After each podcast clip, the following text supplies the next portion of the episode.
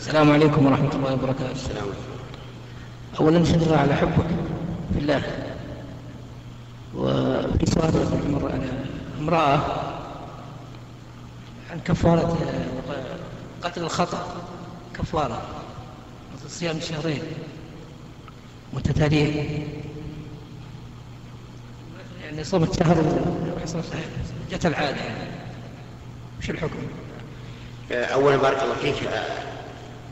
أسأل الله تعالى أن يحبك كما أحببتني فيه.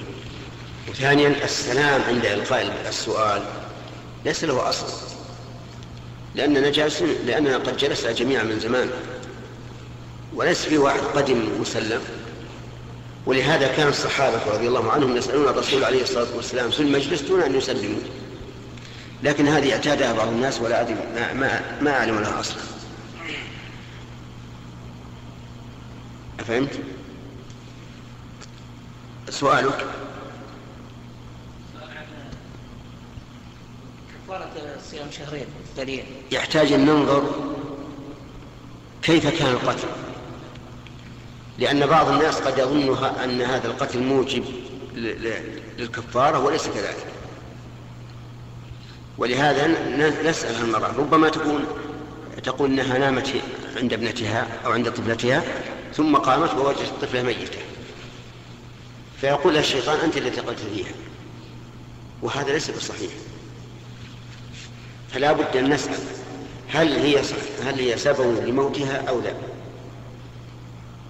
وإذا قدرنا أننا وصلنا إلى غاية وهي أنها هي السبب في موتها فعليها الكفارة وعلى عاقلتها الدية. والكفارة كما نعلم أو كما يعلم كثير منا هي عتق رقبة. فإن لم يجد فصيام شهرين متتابعين. ولا يقطع التتابع إذا أفطرت المرأة للحيض لأن هذا فطر لا بد منه. ولا يقطع التتابع أيضا إذا أفطر آه، للسفر. ولا يقطع التتابع إذا مرض فشق عليه الصوم.